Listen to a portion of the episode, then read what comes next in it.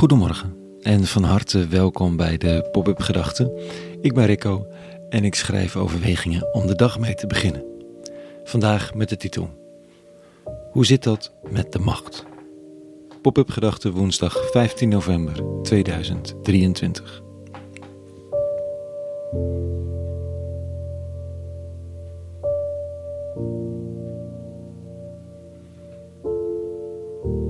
In mijn opgroei is me altijd te verstaan gegeven dat we mensen met grote verantwoordelijkheden met eerbied en respect tegemoet behoren te treden. Eer uw vader en uw moeder en gelijk dan ook maar alle gezagsdragers, van de lokale diender en de leraar tot aan willekeurig welke minister en zeker de koning. En dat werd ook nog religieus gemotiveerd, want God heeft ons gecreëerd in de wereld en wie er dan ook maar macht heeft, dat is diegene door God gegeven. Zo, nou jij weer, jochie. Gelukkig was er altijd nuance. Werd argwanend gekeken naar machtsmisbruik en was er in het algemeen een gezonde basis voor kritiek. Pas veel later, toen ik krakers en anarchisten in Amsterdam tegenkwam en activisten in de wereld van vluchtelingen en verzet, en soms illegale initiatieven om mensen te redden over grenzen en het handen van allerlei bewaking, begreep ik dat er ook nog een andere manier was om tegen macht aan te kijken. Eentje die me in eerste instantie wat tegen de borst stuitte, want zo had ik het niet geleerd. Waar je mee bent opgevoed, gaat je toch in je genen zitten. Denken in hiërarchie. Jij bent groot en ik ben klein en als ik dan groter word, blijkt er altijd nog iemand groter. Dat lijkt de natuurlijke gang van zaken. Dat leer je op school, in een bedrijf, in de politiek. Je begint onderaan, moet opzien naar degene boven je en als jij later ergens bovenaan terechtkomt, blijken er ook allemaal weer mensen boven je. Of in elk geval hogere posities om naar te streven. En ja, dus ook tot die tijd behoorlijk aan te onderwerpen. Vandaag in de lezing een wat kritischer denken over macht en gezag. Wat misschien best goed is, zo vlak voor de verkiezingen.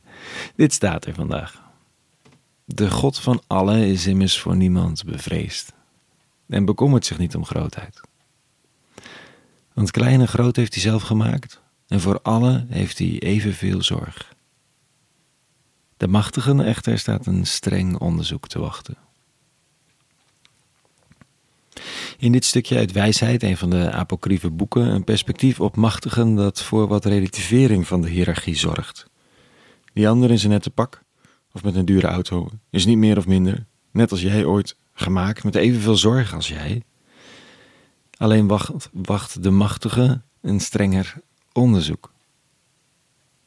Oftewel, ze worden wat scherper in de gaten gehouden door de eeuwige. Zo zegt de christelijke spiritualiteit. Ze komen niet met meer weg omdat ze nu eenmaal een grotere verantwoordelijkheid hebben, maar eerder andersom. Nou is het misschien zo dat we als burgers dan nu ook een beetje de rol van de eeuwige zelf hebben overgenomen door dat strenge onderzoek met grove woorden en grote uitspraken op social media alvast te doen. Dat is ook weer niet zo vruchtbaar. Maar de absolute gelijkschakeling van de mens onder God is de basis van de uitspraken in wijsheid. En wie meer macht heeft, dient die aan te wenden voor de kwetsbaren. Oh, en dat is niet de wapenlobby, of Amerikaanse belangen of bedrijven die het land verlaten. Anders. En de omweg dat dit uiteindelijk in het belang is van de kwetsbaren, anders gaat het economisch niet goed, is een risicovol argument. De opdracht is niet investeer in de grote, dan profiteren de kleine, maar investeer in de kleine. En hou de grote goed in de gaten. Het is een moeilijke job om gezag te dragen in Nederland. Of je nu leraar bent of politie of minister. Dus alle respect voor iedereen die verantwoordelijkheid neemt. En tegelijk is het de oproep aan ons allen, burgers van een land met macht en voorspoed.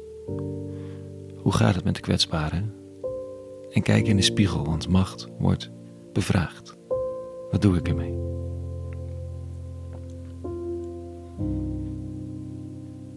Een hele goede woensdag gewenst vandaag. Meer pop-up gedachten te vinden op www.popupgedachten.nl en ook de mogelijkheid om te doneren of je te abonneren. Voor nu en voor iedereen. Vrede gewenst. En alle goeds.